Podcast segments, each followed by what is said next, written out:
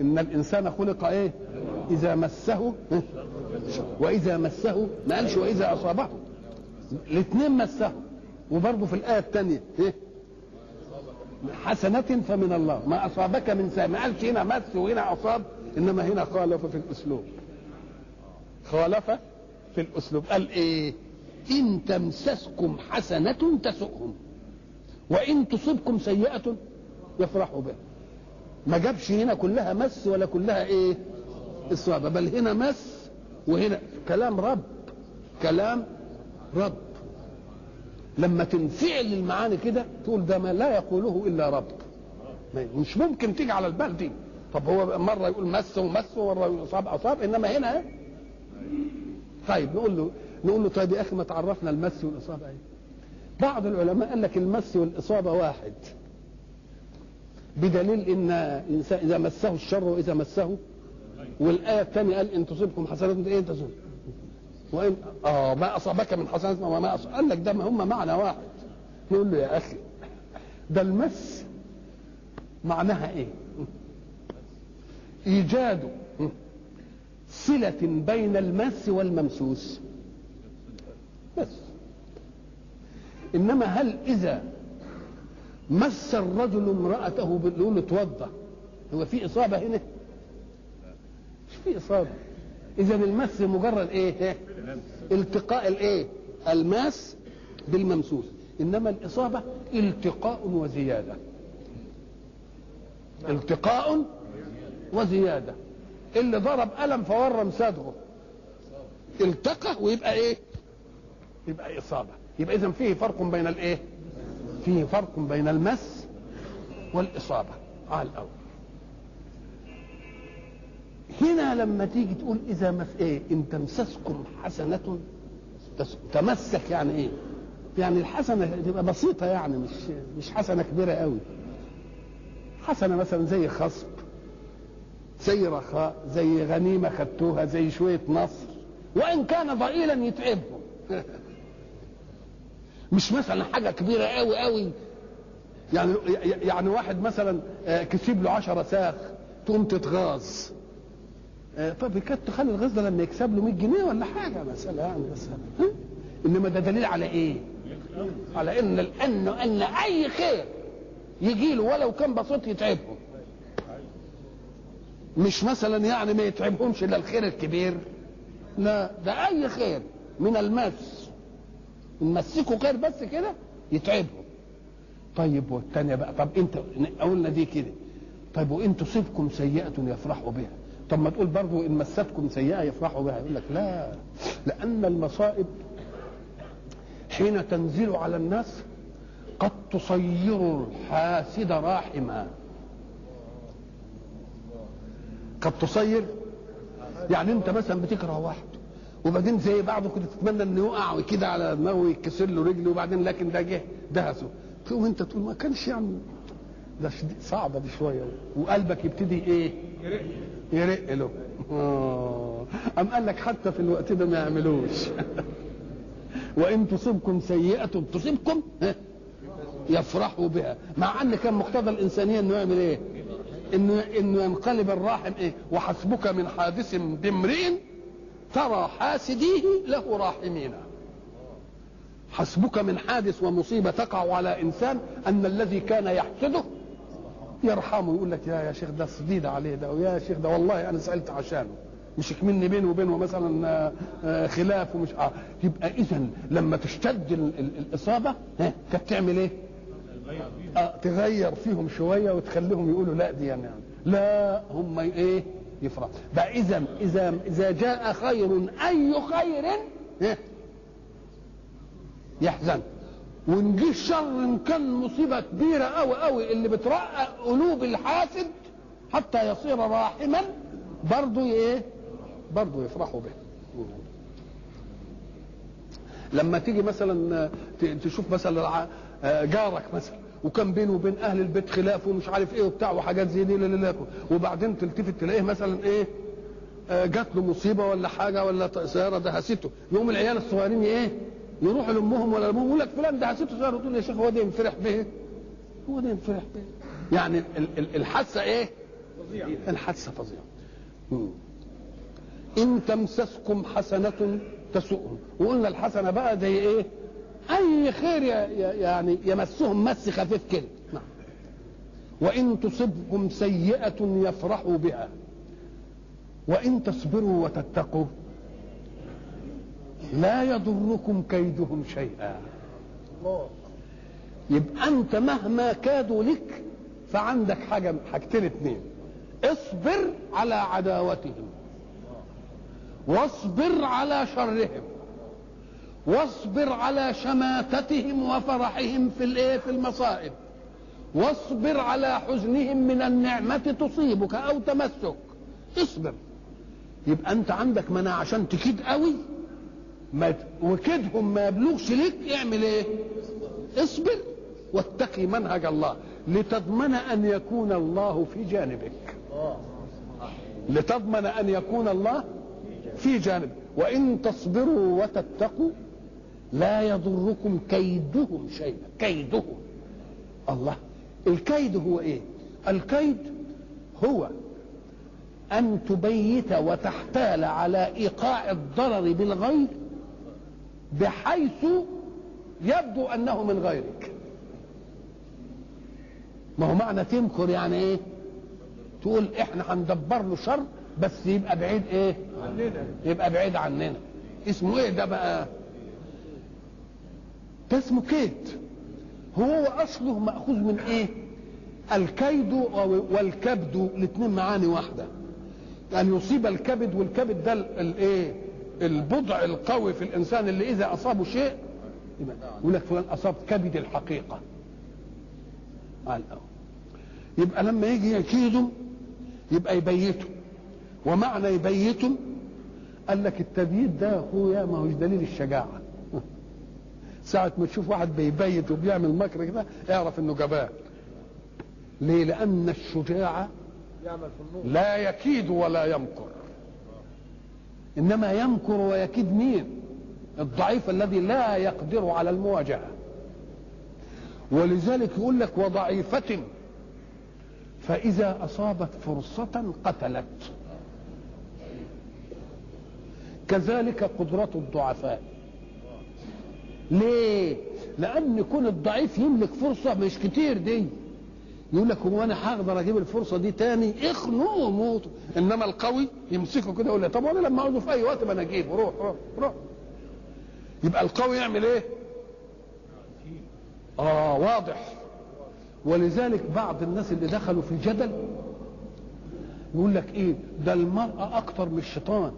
آه. لأن ربنا قال إن كيد الشيطان كان إيه؟ ضعيف. وقال على كيدهم إن كيدهن إيه؟ عظيم. مش كده؟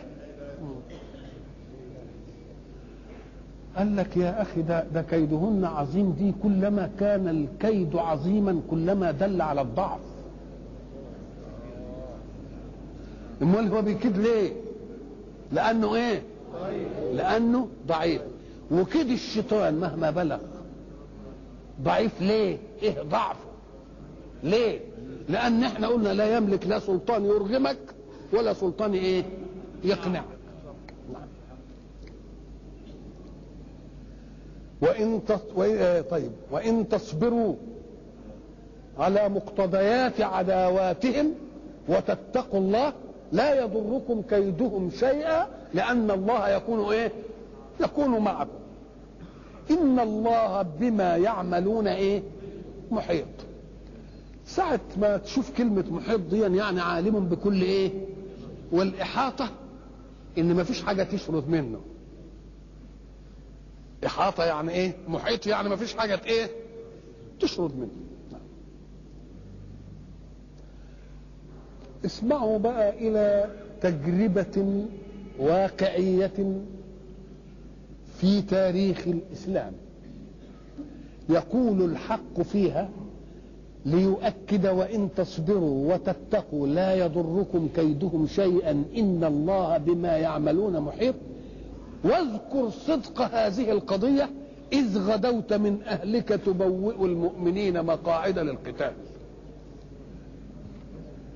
خمس تلاف جايين ثلاث ألاف فارس وألفين راجل. وجايين من مكة ليسأروا لنفسهم من قتلى بدر وأسرى بدر. ما هي بدر؟ قتل فيها سبعين من صناديد قريش وأسر كام سبعين. والمؤمنين كانوا كام 313 أو 14 مش كده؟ والكفار كانوا كام ألف. النبادي عملوا إيه؟ جابوا خمس تلاف. ثلاث آلاف فارس وألفين راجل. يعني ماشيين على رجليهم والمسلمين لا يزالون إلا 700 هم اللي كانوا يعني بس. هذا الايه فلأجل أن يبين الحق صدق قضاياه في قوله إن تصبروا ها. وتتقوا لا يضركم كيدهم شيئا. ومش كيدهم التبييتي لا ده عمليتهم العلنية بقى. هم وغيرهم. هم وإيه؟ واذكر صدق هذه القضية. إذ غدوت من أهلك. الغدوة هي أول النهار يعني. والرواح آخر الإيه؟ النهار. غدوت من أهلك. الأهل تطلق ويراد بها الإيه؟ الزوجة. وهنا المقصود حجرة عائشة لأنه كان فيها في هذا الوقت لما أراد كفار قريش أن يسأروا لنفسهم من قتلى بدر وأسراهم جمعوا بقى إيه؟ حشودهم. كل موتور من معركة بدر كان له بقى فرسان وله رجالة. حتى أنهم بعد معركة بدر قال زعيمهم أبو سفيان للنساء قلنا كل النساء لا تبكين قتلاكم فإن البكاء يذيب الحزن. الواحد لما بيبكي ولذلك بيسموها غسول الإيه؟ غسول الأحزان أو زوج الدموع زوج المواجيد. ساعة ما يعيط له دمعتين كده يقول لك سيبه يرتاح. فلو أنهم ناحوا وبكوا على بدر على قتل بدر كانت المسألة إيه؟ هبطت فأبو سفيان قال لهم قول لهم ما يبقى إيه؟ ما يبكوش عشان يظل إيه؟ غيظهم في مسألة بدر موجودة إلى أن يأخذوا إيه؟ إلى أن يأخذوا الثأر وفعلا اجتمعوا خمس تلاف وجم عند أحد وبعد ذلك النبي صلى الله عليه وسلم استشار في هذه المسألة فأرسل إلى واحد أكبر المنافقين وما استدعاه إلا في هذه المعركة. اللي هو عبد الله ابن أبي ابن إيه؟ ابن سلول. أم قال له يا رسول الله نحن لم نخرج إلى عدو خارج مدينة إلا نال منا. ولم يدخل علينا عدو إلا نلنا منه. فأنا أرى أن لا إيه؟ أن لا تخرج إليهم. فإذا ما دخلوا علينا واجههم الرجال ووقفت النساء والصبيان يرمونهم بالحجارة من على الإيه؟ من أعلى الدور. دي إيه؟ مشورته سيدنا سعد بن معاذ رضي الله عنه ما عجبوش الكلام ده. وقال له يا رسول الله لم يقدروا علينا ونحن مشركون نعبد الأوثان ولم يدخلها أحد علينا ونحن على وثنيتنا فكيف يدخلونها علينا وأنت فينا ما قبلهاش فالمسألة أخذت إيه؟ أخذ ورد فالنبي قبل أن هو إيه؟ يخرج لما رأوا رسول الله قد لبس لأمته اللي هي جهاز الحرب وجي يخرج قالوا بعضهم لبعض لعلنا أغلظنا على رسول الله وكان من الخير إننا نفضل زي بعض. و... فقالوا له يا رسول الله إن كنت تحب ان نفضل حتى يدخلوا علينا ما يجراش حاجة. قال لا ما كان لنبي لبس لامته أن يخلعها إلا بعد أن يحارب خلاص انتهت المسألة. وخرجوا إلى إيه؟ هذا هو الذي يذكره القرآن في قوله واذكر صدقا للقضية التي قل قلتها في الآية السابقة. وإن تصبروا وتتقوا لا يضركم كيدهم شيئا. إن الله إيه؟ بما يعملون يحيط. اذكر وإذ غدوت من أهلك. تبوئ المؤمنين مقاعد للقتال. غدوت من بداية من من عند مين؟ من عند أهلك. تبوئ المؤمنين مقاعد للقتال. بوأت فلانا يعني وطنته في مكان. يبوء إليه اسم وطن لأن الوطن بيرجع إليه. انظر بقى إلى الدقة الأدائية للصورة مع أن الحرب دي كر وفر. وإذ غدوت من أهلك توطن المؤمنين يعني تخلي لهم وكلمة مقاعد فالمقاعد دي مقعد والحرب كر وفر وقيام. إيه يجيب مقاعد هنا وإيه يجيب التوطين؟ علشان نعرف إن الأداء القراني معبر عما كان في الحادثة. لأن اللي بيحارب ده يريد أن يثبته الله في المعركة فكأنه موطن في الميدان. إياك أن تلتفت إلى موطن آخر. هو ده الآن إيه الآن إيه؟ هو ده وطنك الآن. لأن مصيرك الإيماني هيبقى رهن بإيه؟ آه. يبقى وإذ غدوت من أهلك تبوئ أي توطن المؤمنين تقول لهم هو ده الإيه؟ هو ده الوطن. مقاعد الله مقاعد إيه والحرب كر وإيه؟ وفر. قال لك لو ما هننظر بعد ذلك أن رسول الله صلى الله عليه وسلم جاء بالرماه وقد أمر عليهم عبد الله بن جبير وهم خمسون. انظروا إلى قول رسول الله لهم.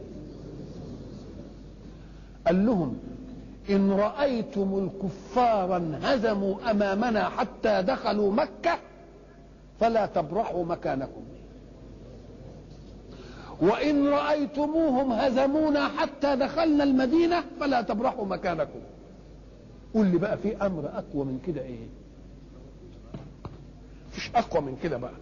بيقول لهم لما تشوفونا هزمنا الكفار حتى دخلوا مكة وأنتم داخلين مكة؟ اوعوا تسيبوا الإيه؟ المكان وإن كانوا هم يهزموننا. وبعد ذلك تروننا قد دخلنا المدينة. برضو ما الزموا أماكنكم. لم يقدروا على هذه.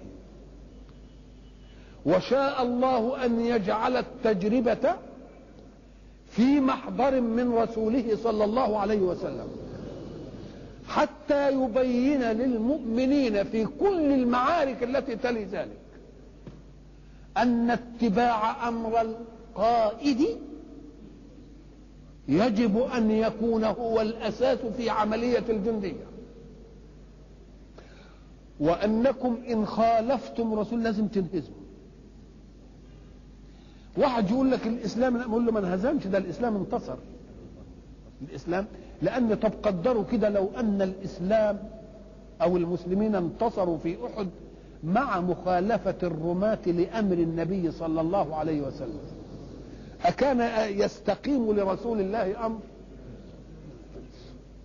إذا فقد انهزمت الانهزامية في المسلمين. اللي ما نفذوش الإيه؟ اللي ما نفذوش الأمر. يبقى لازم يشوفوها وهي وهم في مين؟ مع مين؟ مع رسول الله صلى الله عليه وسلم. فحينما هبت ريح النصر على المؤمنين في أول المعركة. ابتدا المسلمون يشتغلون بالأسلاب والغنائم. الرماة قال لك هم هياخدوها ويسبقونا برضه اللي فنزلوا ليأخذوا الايه الغنائم. فخالد بن الوليد انتهز الفرصة ولف وطوقهم وحصل ما إيه؟ وحصل ما حصل. صحيح أن التحقيق التاريخي أن المسألة لا تعتبر هزيمة ولا انتصارا لأن المعركة لا تزال مائعة. وبعد ما الرسول إلي إلي أنا رسول الله إلي إلي وجابهم جريوا وراهم هم مشوا. فالمسألة ما كانتش انتهت لسه. آه ولكن الله أراد أن إيه؟ أن يعطي المؤمنين درسا في التزام أمر مين؟ أمر الرسول صلى الله عليه وسلم. اسمعوا بقى واذكر إذ غدوت من أهلك. تبوئ المؤمنين مقاعد للقتال عملية القائد. دي جناح أيمن وده جناح أيسر ودي مقدمة ودي ساقة ودي كل واحد. مقاعد للقتال. والله سميع عليم.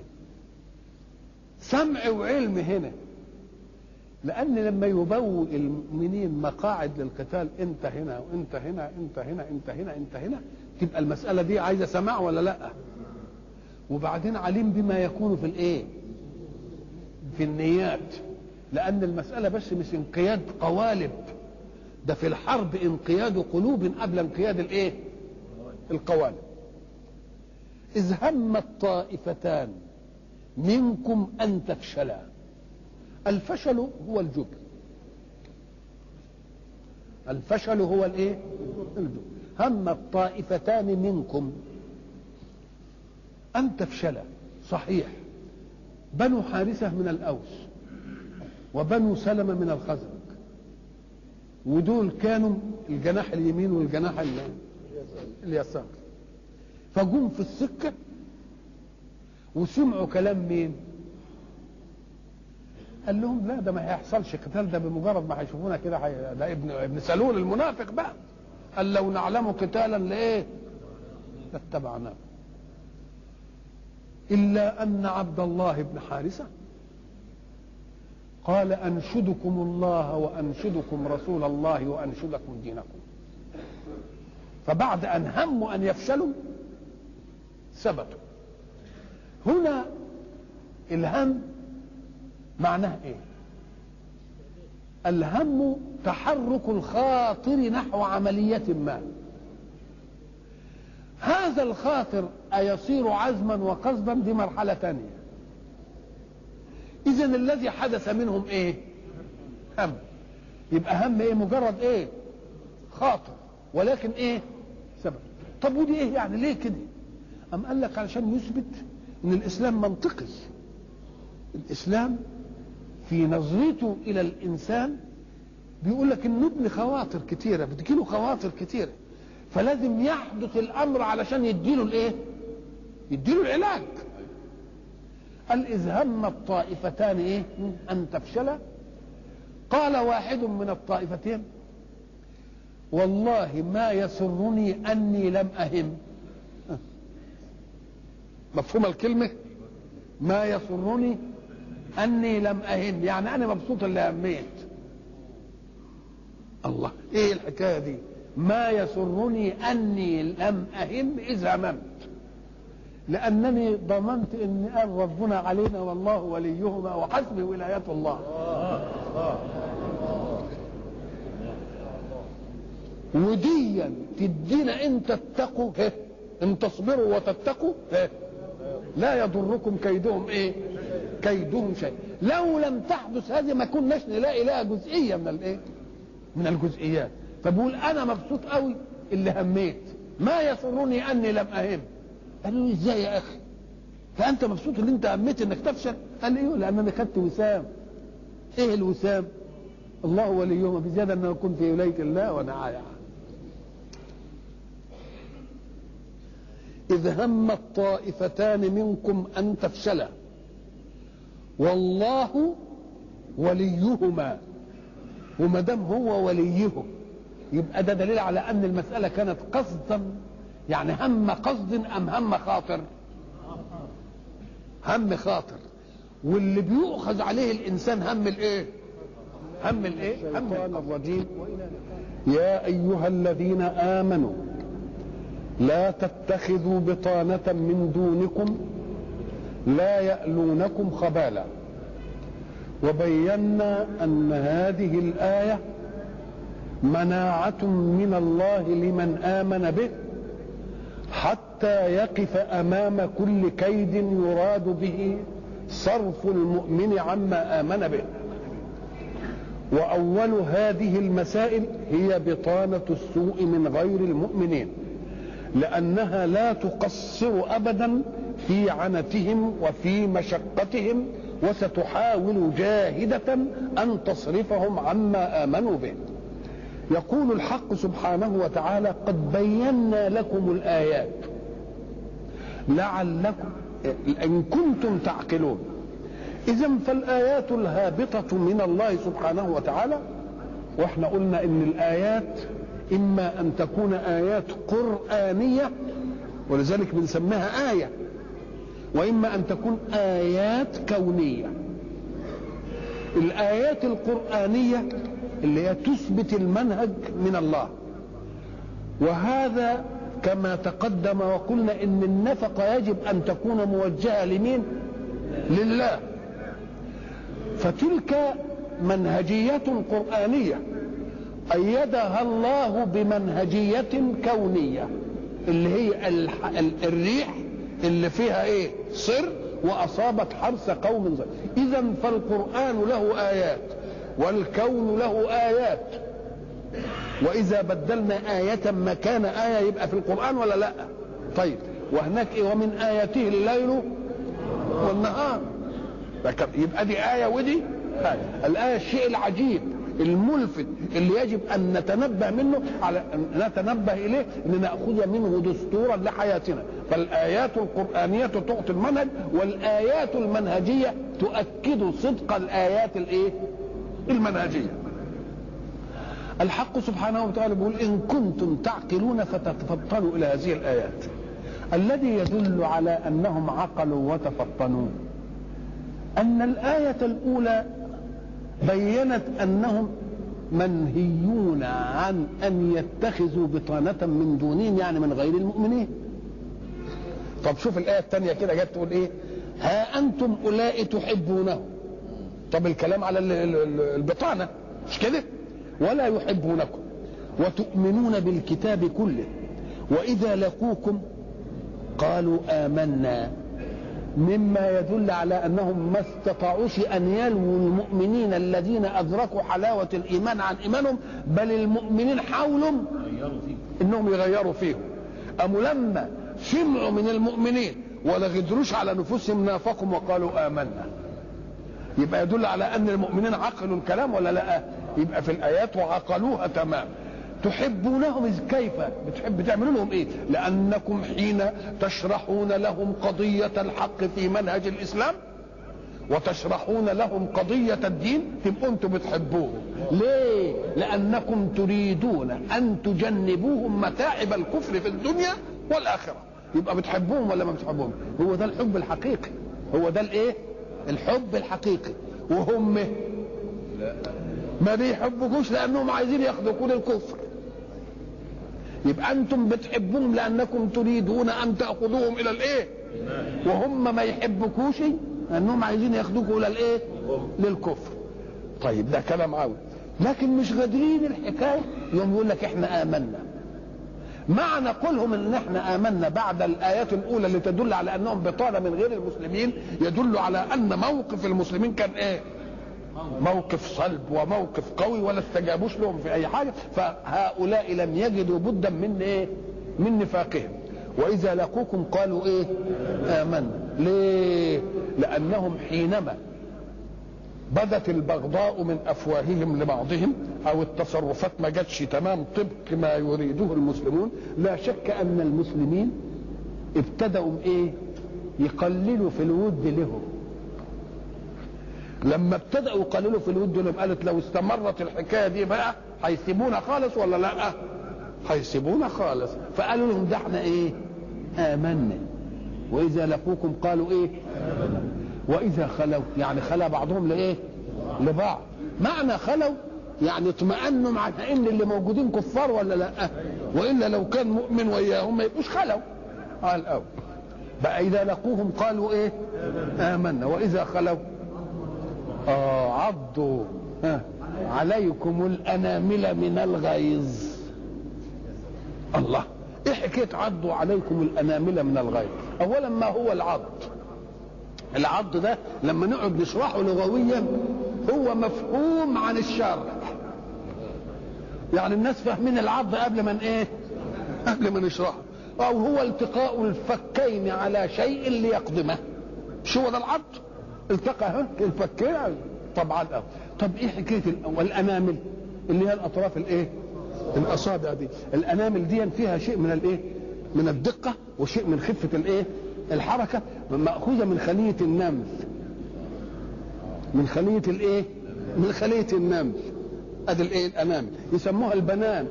يسموها الإيه؟ البنان. يسموها الإيه؟ الأنامل. وفي مثلا يقول لك فعضوا إبهامهم. أنت إذا إذا شفت العملية دي تجدها عمليه انفعاليه وعمليه انفعاليه قسرية.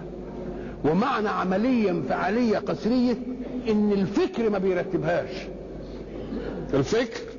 وإلا فمين اللي يرضى إنه يقعد يعض في صابعه طب أنت بتألم مين دلوقتي لما تقعد تعض في صبعك؟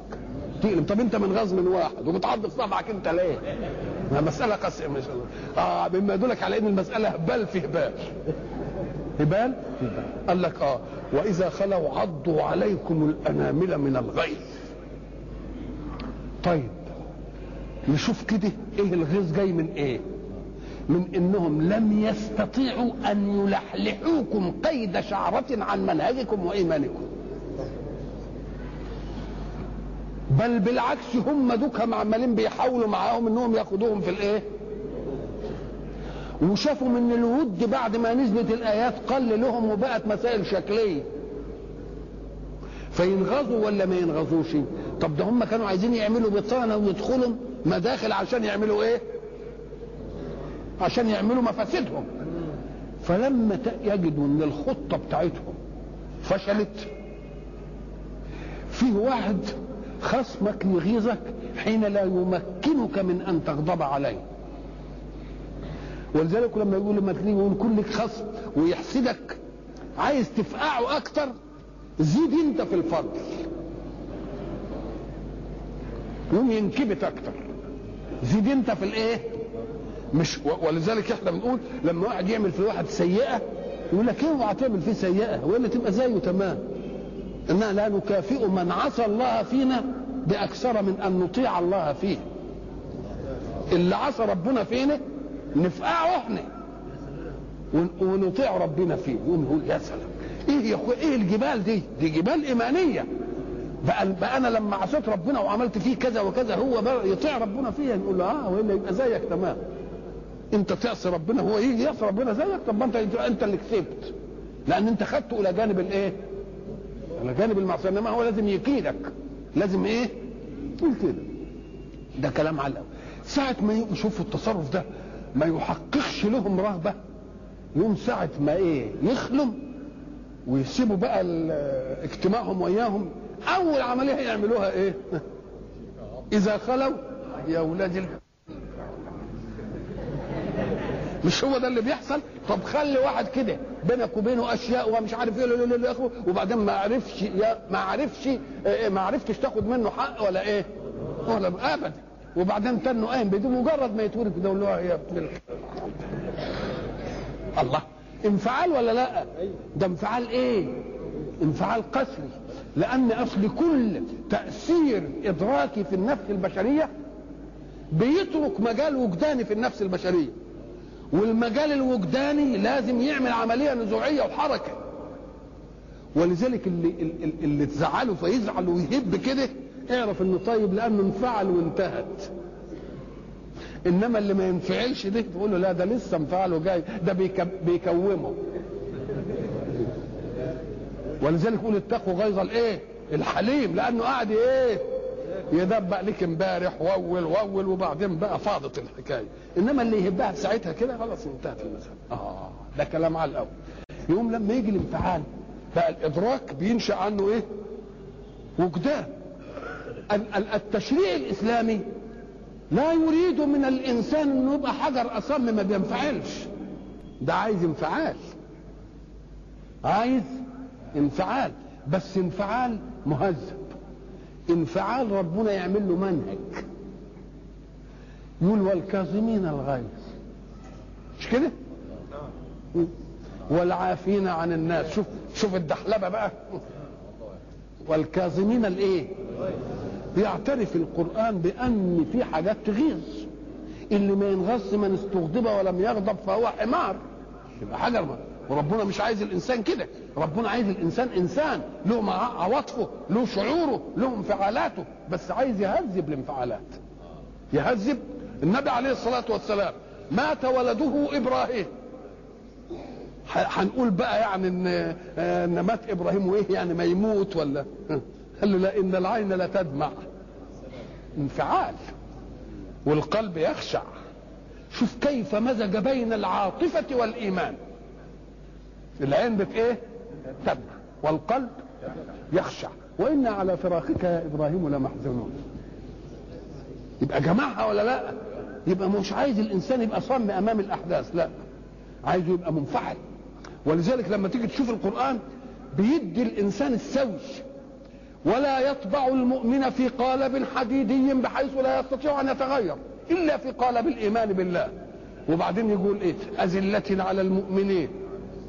أعزة على الكافرين. الله اذا مش مطبوع على الذله ولا مطبوع على العزه ولكنه ينفعل للمواقف. موقف يتطلب ذله بالنسبة للمؤمنين يبقى ذليل. موقف يتطلب عزة على الكافرين المتكبرين يبقى عزيز إيه؟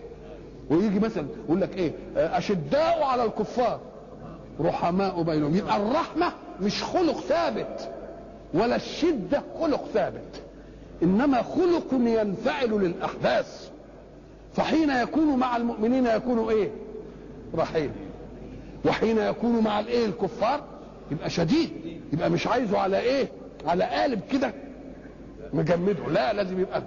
فيجي الحق سبحانه وتعالى يقول كاظمين الغيظ وبعدين يقول عافين عن الناس. والله يحب المحسنين. طيب إن عاقبتم فعاقبوا لأن ده انفعال.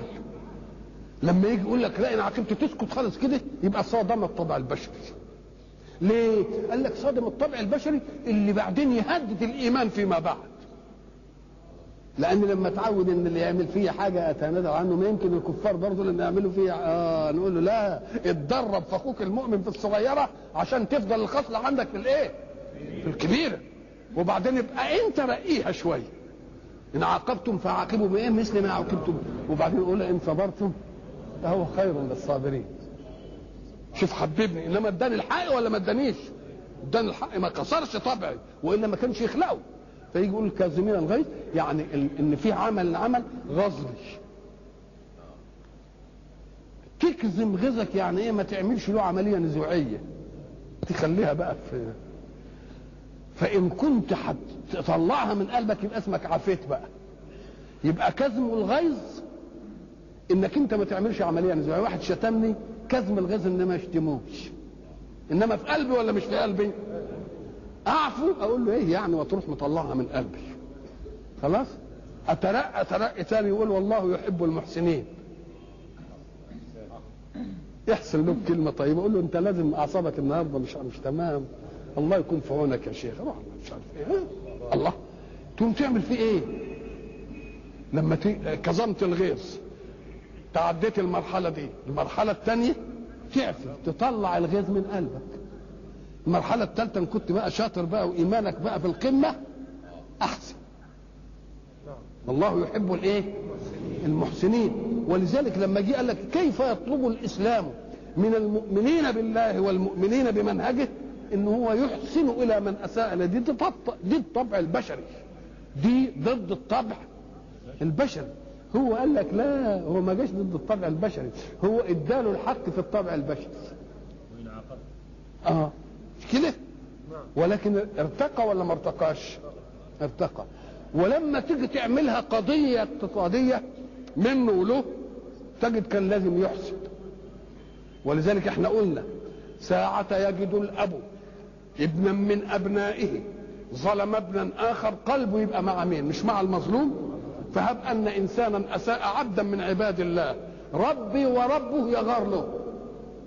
قال ذلك؟ قال له أتحسن إلى من أساء إليك؟ قال أفلا أحسن إلى من جعل الله في جانبي؟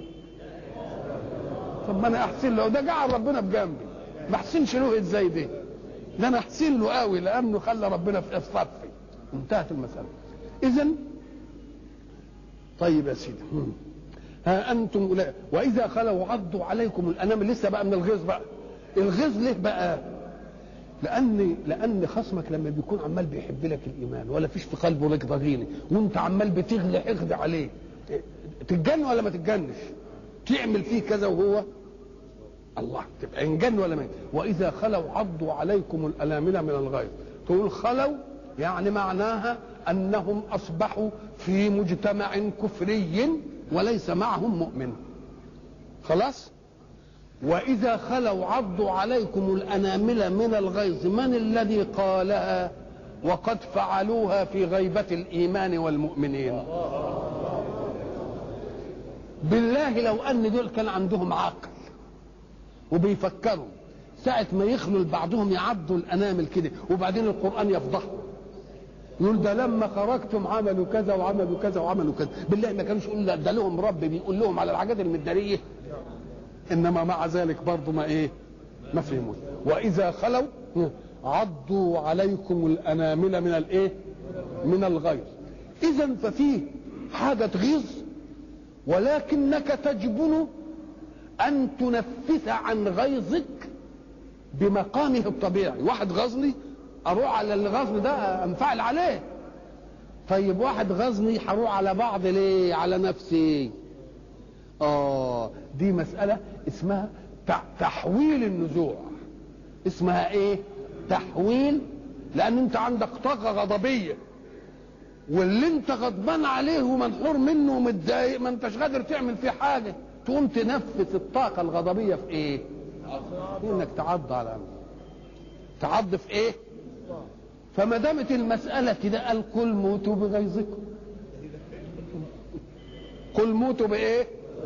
حيفض... ومعنى قل موتوا بغيظكم أن إغاظة المؤمنين لكم ستستمر إلى أن تموتوا.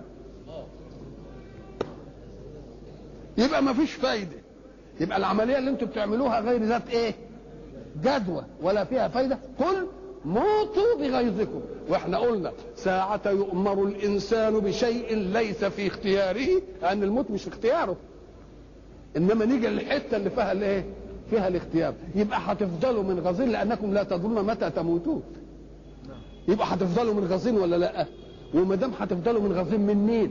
من المؤمنين. وما دام من غزين من المؤمنين يبقى بيطبقوا منهجهم صح ولا مش صح؟ يبقى دي بشارة طيبة لمين؟ للإيمان ونذارة خبيثة للإيه؟ للكافرين قل موتوا بإيه؟ بغيظكم. إن الله عليم بذات الصدور. إن الله عليم بذات الصدور. ذات الصدور يعني الأمور اللي ما تعدتش إلى أن تقال. مش هو قال وما تخفي صدورهم؟ اللي تخفي صدورهم إيه؟ وما دام اللي هيجازي عليم بما تخفي الصدور مش هنجازيكوا بس باللي أنتوا بتعملوه عمل نزوعي بل باللي إيه؟ باللي جوه الصدور. إن تمسسكم حسنة تسؤهم وإن تصبكم سيئة يفرحوا بها. القرآن لأنه كلام ربنا له في الأساليب تفنن. والعبارات في المعنى الواحد تختلف لأن كل مقام وإن كان المعنى يكاد يكون واحدا إلا أن كل معنى إيه؟ طب ما هو مثلا يقول إيه؟ إن الإنسان خلق إيه؟ هلوعا. إذا مسه وإذا مسه الخير. كده؟ ما أصابك من حسنة فمن الله وما أصابك من سيئة فمن نفسك. يبقى مرة يتكلم عنها مس في الشر والخير ومرة يتكلم عنها إصابة في الشر وفي الخير. أهي.